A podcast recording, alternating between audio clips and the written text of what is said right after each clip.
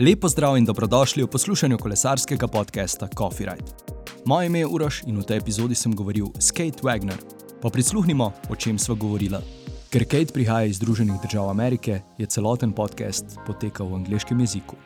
Če ti je podcast Coffee Ride všeč, se naroči na Apple Podcasts, Google Podcasts, Anchor, Spotify in na trikrat vojneve.coffeeride.com. Hello, you're listening to the podcast Coffee Ride. In this episode, I was talking with Kate Wagner. So let's listen what we talk about. Today, in my company via Zoom, is uh, Kate Wagner. Kate, hello. Hello. Uh, you are architecture critic, ex-musician, cycling journalist. Uh, what have I missed? Uh, what did I miss? Uh, I think that covers most of it. that covers. Okay, okay. Uh, so if you if you meet uh, someone on the street, how do you introduce yourself? What do you say? It depends, I guess, on what sounds coolest at parties. so sometimes it's cycling journalist, sometimes it's architecture critic. I don't usually mention the musician because uh, I don't think I was a very good musician. okay, but but, uh, but, but I, I I read that you did music for like uh, 20 years so. Yeah i was i went to music school actually originally. Um, i played violin and viola but i went for composition. And obviously when i was in school it was became very clear that even if i was marginally talented i wasn't going to make any money doing it and so i had to really figure out a way to uh, get get a job. So actually, when I was in music school, I worked at a recording studio. Okay. Uh, I was a recording engineer, and I used that. And I went to graduate school to study um, like acoustics, so how concert halls work, how sound works. And so I did that for graduate school. But while I was in graduate school, my blog went viral, and then that's how I became an architecture critic. And then I did that for six years and I still do that. Uh, actually, I didn't quit. Um, and around 2020, I started writing essays about cycling. And it, I was in quarantine. I was watching cycling five hours a day. Just became obsessed. Became obsessed with riding my own bike. And anyways, because I was already a writer and had been a published writer for for five or six years, uh, my essays in cycling got picked up by various publications, and that's how I became a cycling journalist. Wow, interesting. Uh, our listeners cannot see, but you're drinking your morning coffee. So, uh, which coffee do you prefer? Which coffee do you love? So, we buy our coffee beans from this roaster in Milwaukee called Colectivo.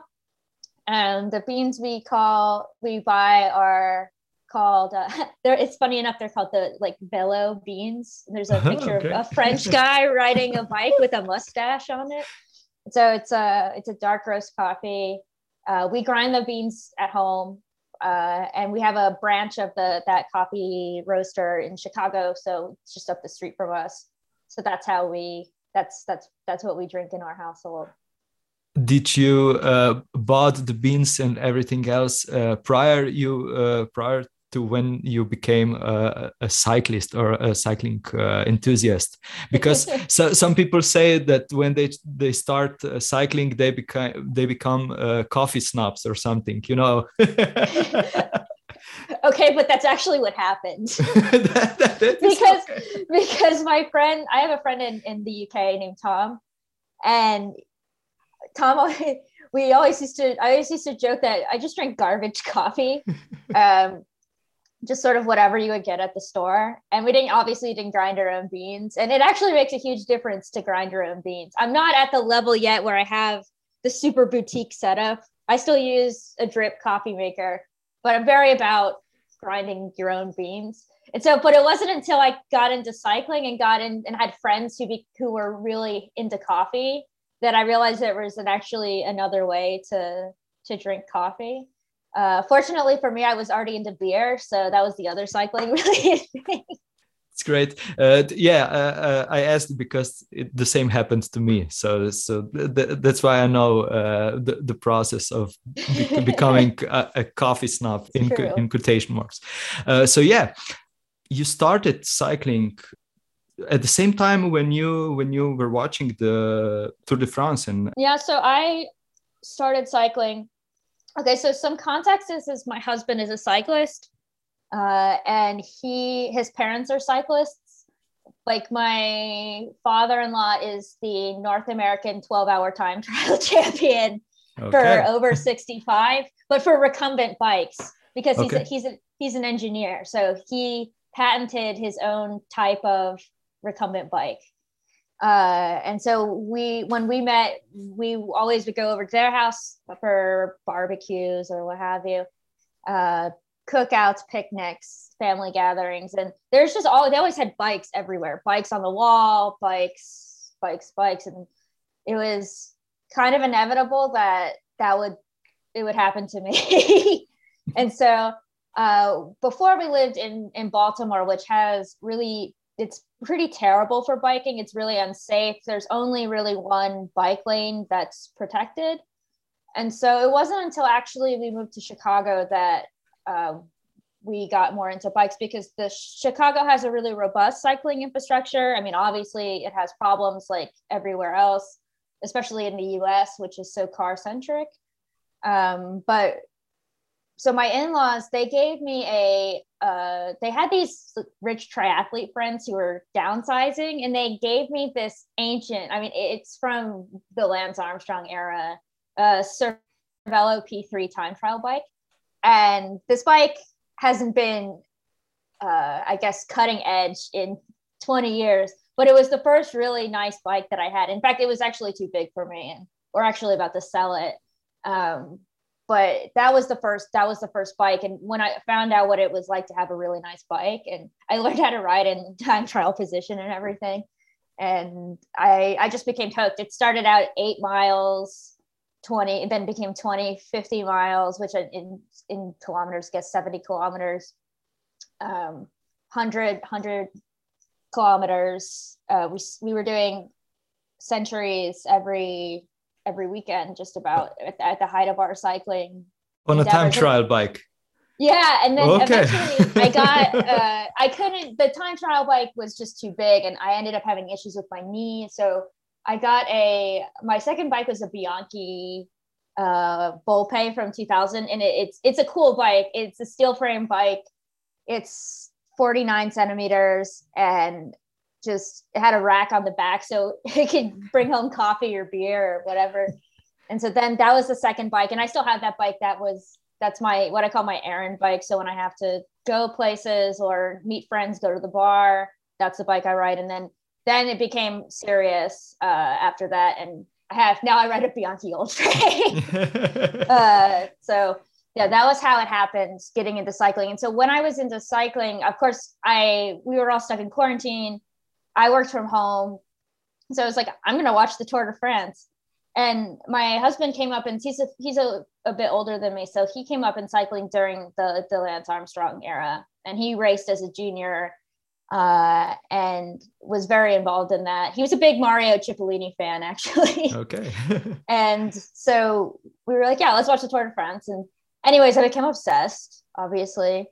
Uh, and then so after I watched the Tour de France, I spent I would wake up. Cycling is on usually from 6 a.m. to uh, maybe 10 10 a.m. on at the height of the of the season, and I would watch cycling from 6 to 10. Then I would work and then from around five to midnight every night, I would go back in the catalog and watch every Grand Tour and every classic going back all the way to 2011.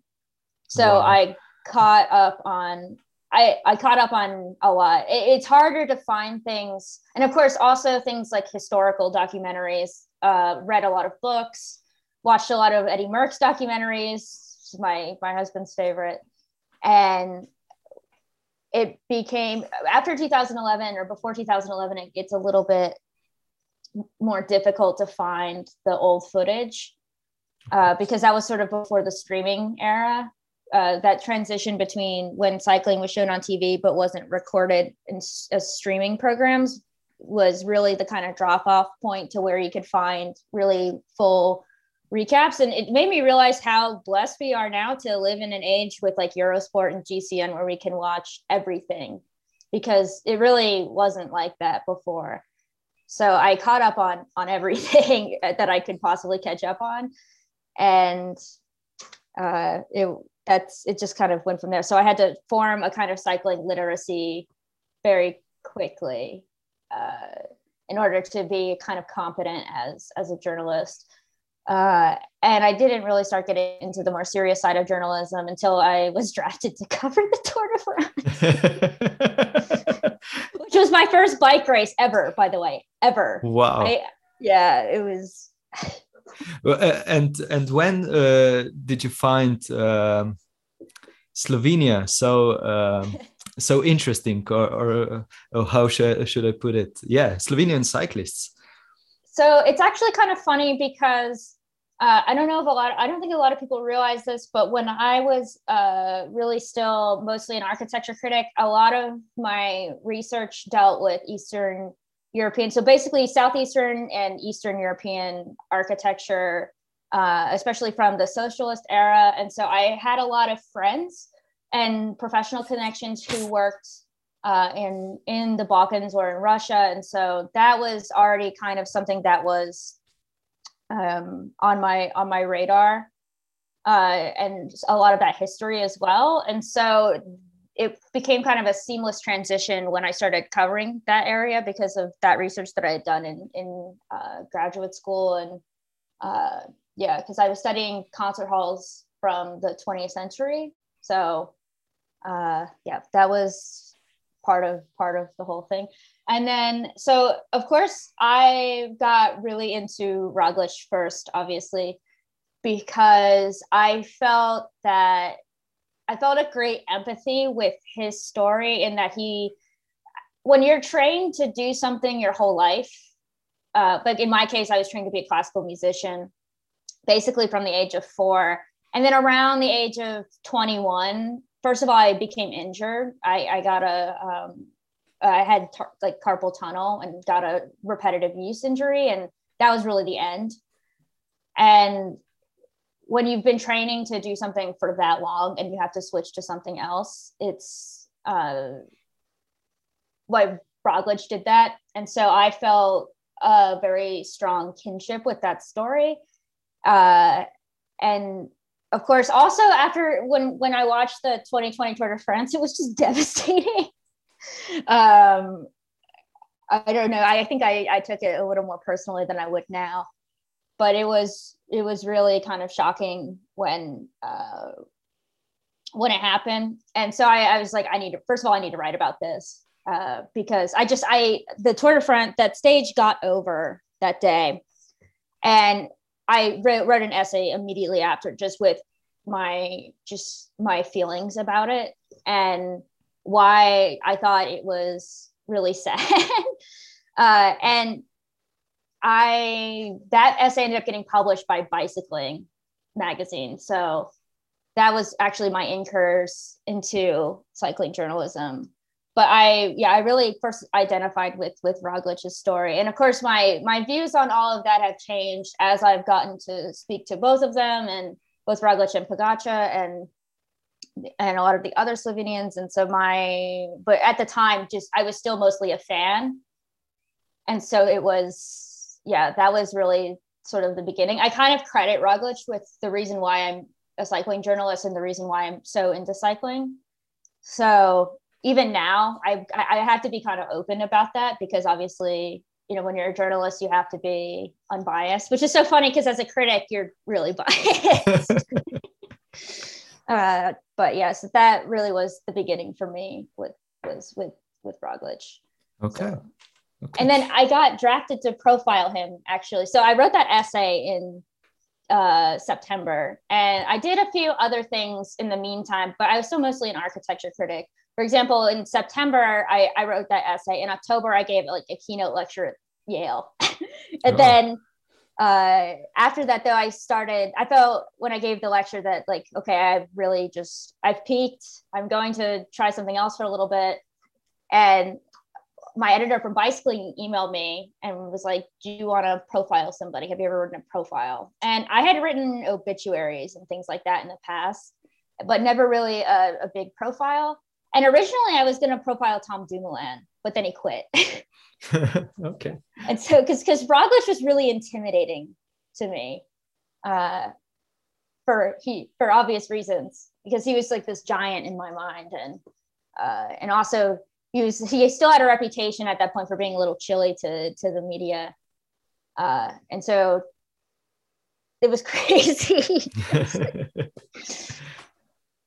but yeah, so then yeah, I can talk a little bit about about that that process. Um, if you if yeah, you of course, of course, of course. So what happened was uh, I got the email. So so when I first called Roglic, first of all, I didn't sleep like the whole night. I was just like I agonized over every question. And I was like, how do I but I, I kind of thought of it as this game of like how do I get this person who is like notably reserved, especially in English, to to sort of open up to me a stranger. And i just agonized over this because i'm used to talking and interviewing artists. And the, a big difference between artists and athletes is that artists really love to talk about themselves. I mean look at me and they you can ask an artist one question and they will take 30 minutes on it. But athletes are really different uh, which is kind of funny because a lot of the times they're way more famous than artists are. And but they're all especially cyclists they're all a little bit reserved. And so i i this was my first mistake because i would learn later in, in my my journalistic life that actually the best questions to ask are the simplest ones. You can't ask these leading questions and you can't craft a story that isn't the story that the that the subject actually just wants to tell you. Um, you can't ask questions like does it make you emotional to blah, blah it's like you don't know that. You can't ask that question. But I, I had never i didn't know that i was not that kind of journalist. Um, and so it was really stressful and so first of all he was in tenerife and there's no wi-fi in tenerife so we had to do this over the phone and and not even over whatsapp we had to do it over cell phone so for me to call uh, his phone number, which is Slovenian phone number, from my phone number in Chicago. It was like a hundred dollar phone call. okay. and he okay, so Roglic that day was he the, apparently he was in like his third or fourth hour of media and he before that he had ridden i think like a 200 kilometer practice time trial or something like that he was just like out on the bike all day in tenerife and I think he was, quite frankly, pretty miserable. And he was not in the mood for these overwrought, over dramatic questions from some kid in America. And it just, it kind of just didn't go well. I was really just, he was, first of all, he was just so exhausted. And you can just hear how exhausted he was and how over it he was in, in the interview. And there, I didn't really get much from that interview. So I was like, I can't write this. and so I begged Jumbo, we begged Jumbo to have like a video interview. And it turned out that when we had the video interview, which was in May, which is after he had lost Paris um, he was very chill. He got on the camera and he's sunburned. He's in Spain. He's watching the Giro on TV, and I am also watching the Giro on TV. And he's he's just in a really good mood, uh, really genial. And we had a great conversation. And obviously, I turned that into a 5,000 word profile. But it was it was funny because my English colleagues would call me like the Roglic whisperer or something like that, which is kind of absurd. Uh, don't think that's true, but it was. I I I approached the second interview very differently because there were just things about Roglic that I wanted to know, and that the only person who could tell me about them was Roglic. So it was things like what what did he do in between ski jumping and cycling? I was really interested in that period, and I was really interested in and figuring out more about the the ski jumping career because everyone knows that he did it but not a lot of people know that in, in the english speaking world know that he didn't do it as a full-time job he wasn't like a fully paid professional athlete he said like he got paid when he won and then when he didn't win he didn't get paid and yeah. He was in school at the time not a lot of people knew that he went to college uh, and so there was all these things that that I had suspicions of or had heard of, and I just I wanted to confirm them. And so when it came down, that interview went a lot better because it was a lot more natural and it was a lot more about figuring out the facts. Uh, so yeah, it was it was a good it was a good interview, and I felt a lot better about what I'd chosen to do with my life afterwards. So yeah. But but yes now uh, now i'm reading uh, on, on twitter that uh, you have uh, a little bit of uh, struggle working with europe or for european um, i don't know uh, cycling magazines etc because you are based in chicago usa yeah it's because so most english speaking media is based in the in the uk and even the ones that aren't based in the UK have a heavy UK bias because for the ones that are based in America, they hire a lot of European based journalists, including American expats who are mostly in Spain. And they, because it's just cheaper transportation wise for them. And at the same time, in, in the UK, the UK based ones, it's just extremely expensive with the currency conversion from pounds to dollars to hire staff writers not from the UK. So in cycling journalism, it's a little bit of a two tiered system where staff writers automatically get access to things like the Tour, the Giro, the Vuelta, and the classics. And so the freelancers kind of get to pick stuff that isn't that, uh, which is really frustrating. And so I kind of realized that uh, I freelance for pretty much every major cycling publication now. Um, and I realized that I, first of all, I wasn't going to get a staff job for these logistical reasons. I wouldn't even say that there are reasons of bias. I think that it's really just that you have to remember that publications are businesses and they are not going to do anything that harms their bottom line. And so I really started to focus more on my own newsletter, which I'm trying to actually just grow into something that's more substantial to hire actually other writers eventually. And and yeah, so we ended up getting press passes to the Vuelta on that newsletter last year. And I went to the Tour of Oman on that newsletter. So it's becoming more and more of a sort of known publication. And it's, uh, I think, because uh, part of the reason is is that there's a lot of focus on new media in in in in journalism and in media all across the board. So to have a Substack or whatever is considered to be cutting edge, even though it's actually just a blog. uh, and also because I would I have a I had a built-in audience from my career as a writer over the course of six years. So it, we raised money quickly, and we had the numbers to get press passes. So it's it's going well, and that uh, that's obviously derailleur.net the publication. Yeah, yeah. gotta plug, gotta plug. So yeah, but that's that's just like a frustration to me. Um, and but you guys got to move on, you know. Uh, say, okay, you pick yourself back up. No risk, no glory. yeah, uh, you mean that, right? Yeah. Uh, when I was researching about you, uh, everything uh, seems uh, to have happened so rapidly. Uh, you you were covering the Tour de France with the cycling podcast, who is like uh, the the best you can get uh, for, from the podcasting uh, scene in cycling. Uh, uh so yeah, how, how uh, did that happen? Uh, it was it based on your writing or or yeah. So I by that point I had been publishing in a number of different publications and I started doing things that were a little bit different than the status quo. For example, I had this uh, I guess you could call it a preference for doing these really long form race recaps. So to actually just tell a story of a race in a, in a really narrative way. And part of the reason I got into cycling writing is because I wanted to write narratively instead of just writing essays, like critical or analytical essays, which I also, I've been doing more of those is related to to cycling. But at the time, I was really doing narrative work, and that appealed to the to the cycling podcast. And so they reached out to me before I was set to head out to the tour, and I was going to cover the tour for Pro Cycling Magazine, which is now, of course, gone. Yeah, yeah gone. uh, really sad, really sad. Um, and that was I didn't realize that that was going to be the last tour issue ever for them.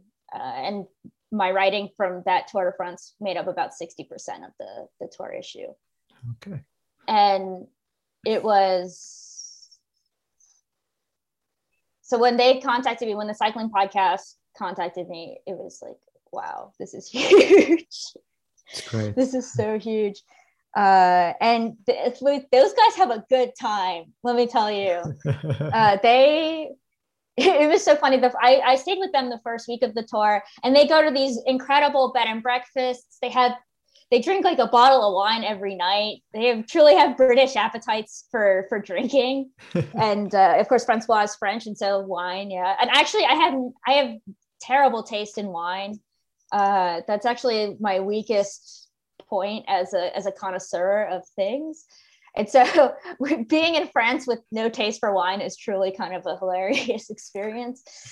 But we would stay in these like these great hotels, these lavish bed and breakfasts. And then when my week with the cycling podcast ended, and I, I kept doing work with them the rest of the Tour de France, but they had other people who would come in because Lionel wasn't there because for for uh, family reasons. And he yeah. came the second week and then Mitch Docker came the third week. And so we all kept in touch. We all kept, you know, eating lunch and stuff together. And occasionally I would stay with them.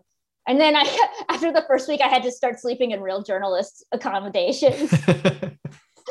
Just like, like B&B hotels, Bay and Bay hotels, the Novotels, worse than Novotels, worse than Campaniles, just really guess in America we call it schlepping it, okay. uh, which is just a way of saying with the clothes on your back, just going from day to day to day. And I remember just being at these these terrible little hotels in just the most rural parts of France. Just just these and it was like rainy and sad. Just being like, oh, I miss the cycling podcast. But I traveled with after the cycling podcast, I traveled with the guys from Cycling Weekly and they were great. And I it was a huge learning experience, the tour. Uh, of course, it was I think everyone knew uh, when I went to the tour that I was there to to cover Roglic. And of course, Roglic didn't have a good tour that year. Uh, I was really one of the things I didn't expect when I started covering bike racing in person was first of all what a circus it is. It's kind of insane. And second of all it's very violent. So when the first two stages the first three stages every day you would see these guys go by. And i didn't come actually to the finish. I went to the start every day but i didn't go to the finish until the third stage. And you would see them come by and they would just be cut up and bloody. I remember the first day after the Opi and Omi incident, we were uh, Richard Moore from the cycling podcast and I were watching at the approach to the final climb. And we saw this, I saw this guy from Alpecin-Fenix. I wasn't sure which guy it was, but he was just bleeding from his mouth. Just like, just blood was just coming down his mouth because he busted his lip. And it's just, I was not prepared for that. And so, of course, when when stage three happened, and it was crazy because that morning I finally got to talk to Roglic in person for the first time. And it was a really good interview for Roglic at the beginning of a race and in English. And so it was, it was like, it was, it was nice. It was a nice moment. Uh, cause obviously uh, when I, when I did my profile of him, I told him my whole stick that I was, I was, I was thinking about quitting my job to go cover cycling. And he said to me, uh, he first, he's really funny. I don't think people realize how funny he is, but he said, he said, uh, it's like, oh, I wish I could tell you it was going to be like a really good time, really fun. He's like, well, but you got to expect this really effing hard sport. And I didn't realize at the time what he meant by that. I was like, oh, yeah, deadlines, they're really hard to meet. It happens all the time.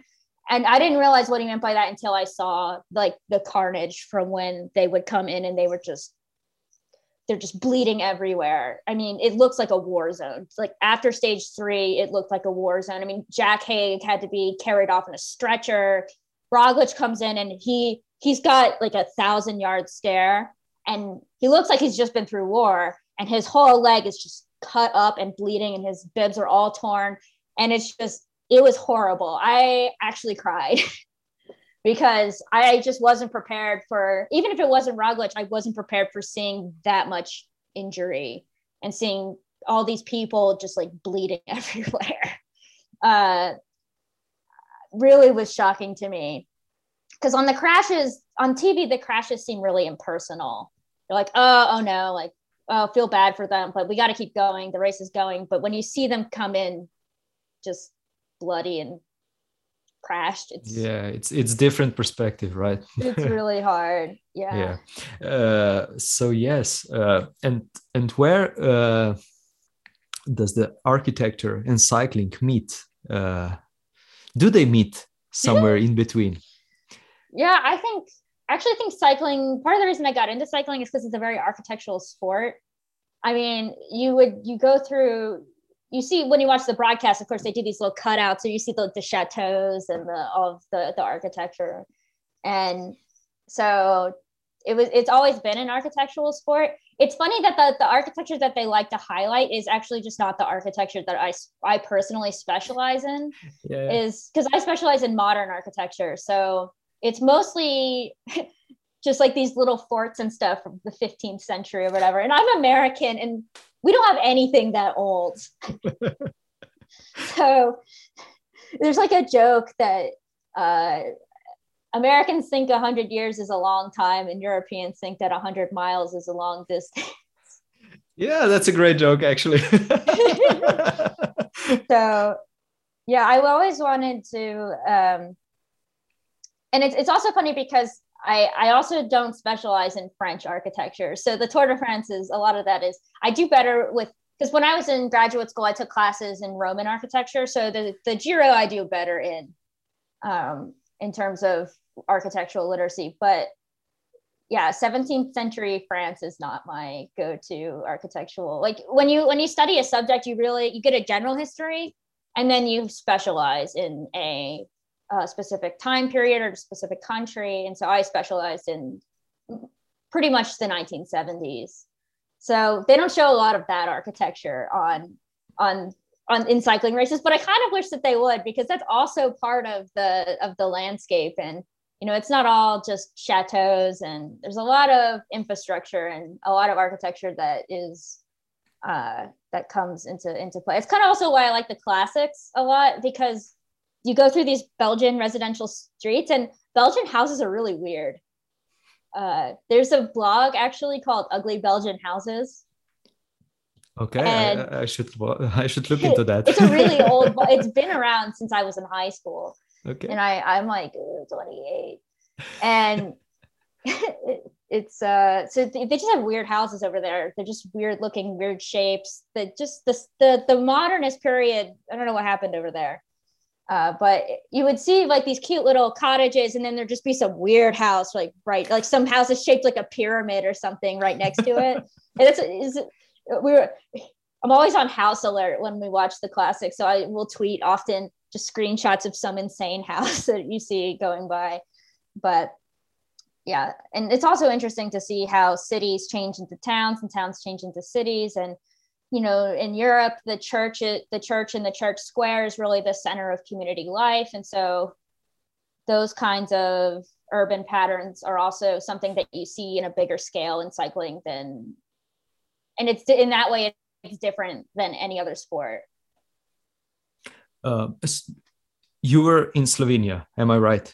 Mm-hmm. yeah. Uh, and what what did you find uh, in slovenia? Uh, around houses and uh, and architecture? Uh, I actually really I really like Slovenia, obviously. Okay. so when we when I got there, we um, so I landed in at the airport and which is a beautiful airport by the way, very small, but it's I think one of the the loveliest airport. Airports are miserable, and so any airport that is nice is is good to me personally. Uh, and that one's very nice. And so my friends pick me up and we immediately go to Bled because it was sunny that day and it was going to rain the rest of the time I was there. it rained the whole time I was there. And I was actually planning on doing running a bike and doing some cycling and just never happened because it was just cold October rain. And we got there and we we went to Bled. So we saw uh, of course we saw like Tito's Villa and all this, all the the the architecture there, which is uh, pretty beautiful. And, and Bled is beautiful. It's the water's beautiful. The island is beautiful. And yeah, that was we we got and I hadn't slept in 24 hours. it's so it's so funny. We get to we eat at this like little cafe. It's totally the off season, by the way. It's October. Yeah. No one is in Bled no one is there. That's it's right. completely deserted. So we go to this little cafe, and the guy, the waiter comes out. He's like, "Oh, Chicago." It's like I have family in Cleveland, and it's like I'm like the reach of this tiny country. and so then that night, my friend uh, Miha, who it, well, he used to actually play on the the juniors national basketball team. He is like like two two meters taller. He's he, he's so tall and I'm I'm really short. And so I'm like looking up and he's yeah, and so he he took me around Ljubljana at night when I got back to my hotel. And of course we went to the the Cankarjev Dome and we went to the Republic Square and all these places that I had read about in books uh, that were the the Spomeniki and and all the stuff that was from the 20th century in, in Ljubljana. Of course, the Dragon Bridge, the Plečnik Arcades, all of that. So it was very, I was very excited about all of this. Uh, and also, Ljubljana is probably one of the most beautiful cities uh, ever in terms of Art Nouveau architecture. So the first day I was there fully, that next morning, I basically I had was working in Slovenia most of the time I was there. When I, I I filled in most of my schedule with interviews with various people, and that but that morning I, I sectioned off because it was going to be sunny before the rain started. And i just walked around and, and took photographs of of buildings the whole morning. I was that's great.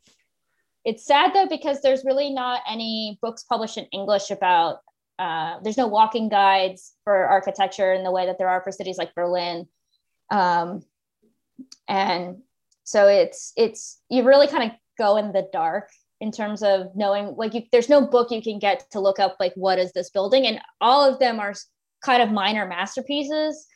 All of those especially um like you the in the west like it's like there's Plečnik and that's it. You want to know about anything else? Too bad. Uh, except for some of the Yugoslav stuff because there was a show at MoMA uh, that actually one of my best friends was a curator for. So but it was i was very excited about about walking around the city uh, now i'm gonna live there so yay uh, uh, did i heard it right you're gonna live there yeah for yeah. four oh. months oh, oh okay uh, when are you coming back in june in so june? i'll be there okay. Oh, I'll be great. there for nationals, uh, Tour Slovenia. I'm gonna go to the tour uh, for at least a couple weeks. I don't know if I'll do the whole thing because three weeks is Okay. Then hang out, then the Vuelta. Wow, nice, nice. Um, so yeah, uh, what are you planning? Uh, this, this is this uh, job uh, on your own, uh, like a derailleur, or uh, will you work for I don't know some some cycling magazine or something? So for it depends on the race. So for the Grand Tours, it will probably be for derailleur. Um, and then for the Slovenian races, probably for Velo News, Cycling News, something like that. So freelance. Uh, but yeah, I have an apartment in, I, I rented a, an apartment in, in Ljubljana that's actually on, uh, I think Mal- and it's behind an Irish pub. oh, that's great. Are you planning on bringing the, the bike with you or you're going to rent it? Actually, my friend, uh, my friend Giga is going to help me buy a bike and just keep it at oh. his house when I'm not around. Because I plan to actually just come back uh, okay. and spend a different four months in Europe every every year. So this year it's these four months.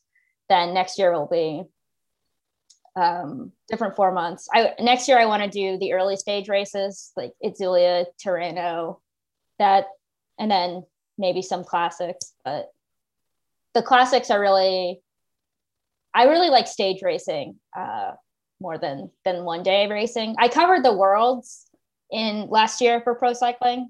It was my last race that I covered, and it's really, it's not the same. There's everyone is just there trying to get a quote. It's a madhouse. It's there's no point in actually going to a press room. I just was hanging out with my friends the whole time and just watching the race from like a from the sidelines, which was a lot better than yeah going to like the little journalist hut or whatever that they put you in. Though I missed out on free food. Ah, that's a shame. uh, Food's all right. Uh, yeah. Uh, you also uh, said that uh, in America, uh, there is no, how can I say it? There is no hype about cycling unless you are winning it. Is yeah. that right? Is that right? I think that's true about European cycling for sure. Yeah, because I I, I also wanted to say that here is the same. Uh, the Slovenia was not a cycling nation uh, until uh, Primoz uh, started to win and every other guy uh, behind him. So yeah, we, have had uh, good results, but uh, it was it was it was never uh, like that hype like right now because you know now and especially uh, since the pandemic uh, everyone is uh, a cyclist. Yeah. Yeah. It was like that here when lance was winning everyone was a cyclist. I mean you had all of these races in america and it's really sad actually that because uh, i mean america has a lot of problems. It is let's be real it is a completely dysfunctional country uh, when I tell people how much healthcare and childcare costs in America, they're just horrified. And uh, yeah, and so sometimes cyclists ask me if I'm going to have kids, which they shouldn't, but they do it anyways. And I'm like, I can't afford to have children. childcare is two thousand dollars a month, uh, which is in, in most European countries it's free, and so totally dysfunctional country but it is beautiful in lots of different places. Like California is a beautiful place. The there, there used to be a tour of Georgia, which in Georgia's great cycling. There was a Tour du Pont, which was in the Appalachians, which was which is beautiful riding. Um, it's it's a there are really great places to ride a bike in the U.S. And it's really sad that after Lance and then after COVID, what was left because I mean, even like in the 2010s, like 2014, 2015, there was still the tour of Colorado, the tour of Utah, tour of California, all of that's gone now. And it's the only races we really have in North America are the Canadian classics. Um, so it's really sad to me, uh, as not only as a correspondent, but also just as a fan that that you that there's no reason to come over to to the states anymore. Uh, and it's it's also sad because it's the writing is really good. It's a really good setting for a for a grand tour or for a, a one week stage race. And so, yeah, I think things are getting better in American cycling. I mean, American cycling, in the absence of European road racing, has developed its own culture. So, most of the the cycling that happens now is there. There's a big um, like criterium scene. So the the major forum for bike racing in America is, is criteriums, uh, which, you know, you can feel however way you want about that. And then the other is gravel racing. So these are very, these are the sort of new American specialties because road racing is really not the, and stage racing is really, it's just kind of done. There are a couple races still. Um, like we have the Maryland Cycling Classic and we have uh, the tour of America's Dairyland in our uh, in the Midwest, but that's that's it. So, but American cycling is doing quite well now uh, in terms of the European scene. So it, we might be on on the up and up. I think the most popular cyclist in America is probably Sepp Kuss. Yeah. Uh, everyone um, thinks he's going to win the Giro or something. Yeah, uh, we'll see about that we'll truly we will see about that yeah uh, uh, I, w- I wanted to say that uh, and uh, at the criteriums, uh, there was a Slovenian guy who who was winning. Uh, do you know maybe uh, Aldo Yeah. Ino, Aldo uh, Ino Ilešič? Do you know him? This was like before I got into cycling, but it's actually Yeah. something I just learned about the other day. It's just so funny that you mentioned this. It's like I was, one of my friends contacted me. He was like, "Do you know there's a Slovenian guy who's just winning criteria?" Yeah, And there's also like, I mean, there are also Slovenian ultra cyclists who were doing things like the race, that's across right. America. Race across America. Yeah. uh, which my my my in-laws they, they didn't do the race across America, but they did ride. The second they retired from work, they rode across America, Wow. and and it's just like, I can't, I can't. and the race across America is, first of all, it's really insane. Uh, it's it's really dangerous too because you're basically there's no it's not like a grand tour stage where they set up all the infrastructure all the barriers whatever you're basically just riding on american roads eh, which are that's just right. not, they're not safe yeah. and there have like been people who've died uh doing that race and so yeah ultra cycling is yeah. Uh, uh, i was watching uh, a documentary about uh, our uh, ultra cyclist uh, Jure Robic uh, who who Yeah. Uh, who rode it. And yeah he was like hallucinating on the on the road and shouting uh, at, at the dark and just yeah that's wow. Yeah i can't i can't imagine. I really can't imagine Me either. Yeah. Me either. uh, but yes, uh, on that note, uh, you you've mentioned it. The gravel scene is, I don't know, kind of blo- blooming in uh, in in America. So i in that case, uh, I think it's. Uh, it is uh, it is a good path uh, for I don't know now that the UCI um, included the gravel racing in his calendar, so maybe this this Yeah. I mean, the reason why gravel racing I think is so popular is because because American roads are so dangerous. I, I think that a lot of cyclists were seeking alternatives to having to to race on them or race or, or train on them, and so there was already kind of a. Uh, this is just my layman's knowledge. There's already kind of an informal um, sort of off-road cycling scene, and gravel roads are roads in like farm fields and things like that. They're really kind of off the beaten track. And but in America, like anywhere where you can find safety from cars is really important. And so I think that my understanding is that this is why it's such a big discipline in in the states. Yeah, I understand that. Yeah, that's that's plausible. Okay, uh, yeah, and uh, here we are. Just just before we finish up, uh, you're also uh, an artist who draws a cyclist. Yeah, the th- these are some some some great uh, drawings, I must say. Thank Uh, w- So so, so this uh, this came with writing or Yeah, I took art classes um, through high school.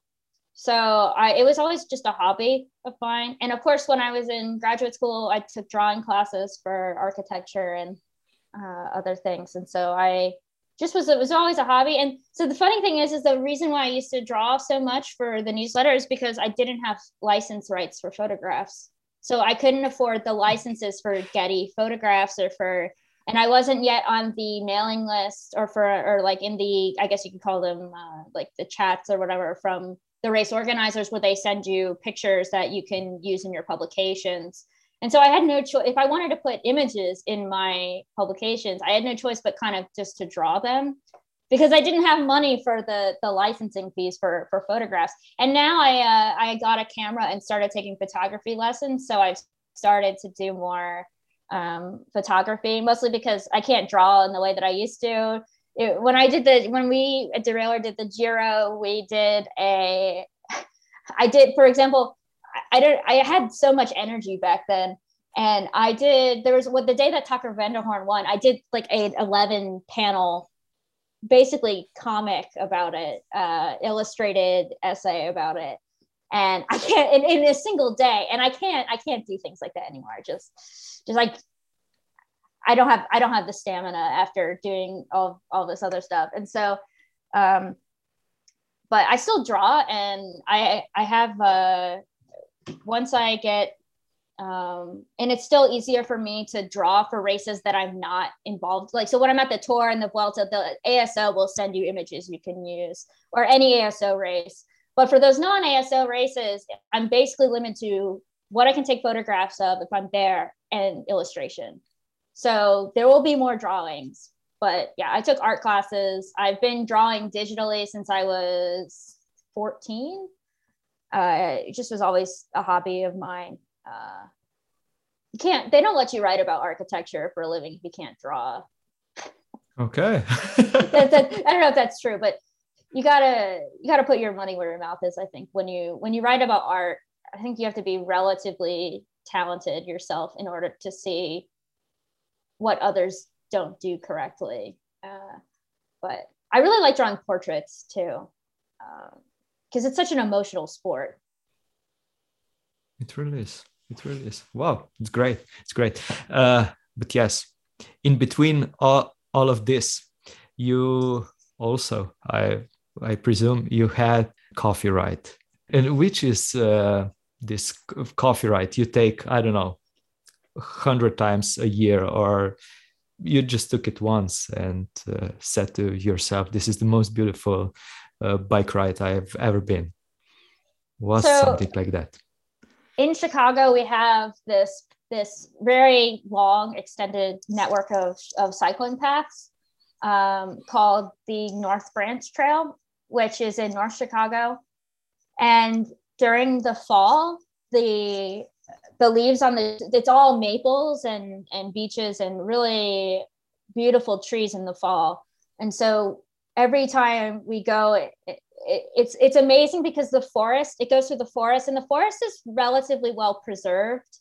Uh, and ter- there are parts of it that are very healthy forest um, that there haven't there's not a lot of like invasive plants or anything like that. So you can see all of in the spring you can see all of the unique wildflowers come up that are really beautiful and then in this in the fall the leaves just turn these these brilliant reds and yellows and oranges and so during the spring and the fall on that trail it's really phenomenal. And so I I when it when it becomes when it's not snow season in Chicago, uh, I usually will do like at least 40 miles a week. Um, so like 55, 60 kilometers just and I, I don't like it's not training rides. I'm not training for anything. Yeah, it's, yeah. it's just looking around rides and it's really it's actually just really beautiful. Um, the, pra- the, the the Midwestern prairie, there are parts of it that are preserved. So you have the birds flying everywhere, and I think that's one of the best things about cycling is that you you can go at a speed where you can notice the world around you. You can also go really fast too, but yeah, if you noticing the world around you, I think is one of the best things about cycling. Whether it's architecture or it's uh, or it's just the nature. Uh, so that that's my that's my go-to coffee ride i would say. That's great. That's great. It's the last question or the last topic. Uh, what would be your advice for the listeners or I don't, I don't know anything that comes to mind that you would like to say to them? In terms of cycling, i don't know. Uh, yeah just just i don't know. Maybe maybe some um, about being a journalist or wanting to get involved in cycling or um, maybe what quote drives you you know? There was a time when um like when i went to slovenia i went there to profile Matej Mohoric for uh Rouleur, and i ended up basically spending like six hours at his house and he made me lunch. And there was a uh, we were talking about um like the sort of earlier days in his cycling career when he went from um, riding at Sava Kranj to going to uh, Cannondale or Liquigas, um, which then became Cannondale, and just like a lot of the difficulties in in making that that transition. And I don't know whether it was because I had been by that point I had really been through a lot of things. Like I very in a very quick amount of time had gone from just writing the occasional essay about cycling to covering the Tour de France. And of course, you know, when I was at the tour, being involved in a in a doping scandal, like seeing Roglic crash out, just like moments where I really had to be more brave than I had ever been in basically my whole life. And uh like I don't know why, but when he was talking about it, there's it was such a simple thing that he said. He was like, like he basically said like you just always have to be brave. Um and you always have to just believe in yourself and that you know you are only going to be the best version of yourself that you can be. And that's really the only thing that can that matters and that was the end of my season when i was in slovenia. And so i like kind of got i still kind of get emotional listening to to the recording because it kind of felt like like we were just kind of talking to each other and not in the abstract. And so yeah i always i just think about that all the time. And then also of course with roglic he's got a lot of roglicisms but like really no risk no glory is is a good way to live. I mean like i taking an enormous amount of risks uh so like yeah i'm just going to go to france for three weeks i don't speak any French. I have never covered a bike race. I have no idea what I'm doing. I have never been to a bike race. I live in America. We don't have those. Just, but you just you just got to do it. Do it, right? yeah, truly no risk, no glory, and uh, yeah, it's yeah, I. I, it's kind of become like in America we say like YOLO, like you only live. Yeah, yeah. yeah. but it's it's a better way of saying that. Uh, it's it's actually such a great quote. And everyone was so mad at him when he did that at the Vuelta when he just went off the front and then crashed. They're like, "What are you doing?" And he was like. Eh. Yeah. but uh, like he said himself, if he wouldn't crash, everyone would applaud him. Yeah, that that was a great move. That exactly. Was, uh, yeah. Yeah. yeah. Uh, and it's great to see him ride less conservatively. Uh, he's really this this past year, like what happened at Zulia, for example, really he's gone he's gone a lot uh he's he's very sharp as a cyclist in terms of, of tactics. And I don't think I think that the way that Jumbo rode at the Tour de France, which was so conservative, has really colored a lot of people's views on Roglic, particularly as a conservative rider. But he's really not. He and I don't think he really ever has been. It's it's so funny how one race can just completely change the narrative of, of like how someone rides or like what how they're perceived and like it's funny because I don't think Roglic thinks that that way at all. He he's it's funny in real life he's really just really a normal guy who likes to drink a beer and have you know hang around with his kid. You know? so yeah, no risk, no glory, truly. Kate, thank you for for for this. Uh, it was an honor. It was an honor. It's great. Thank you. Yeah, thanks for having me. Če želiš Copyright podpreti, odklikaj na www.copyright.com pošiljka Coffee Shop in z nakupom podpri delovanje podcasta.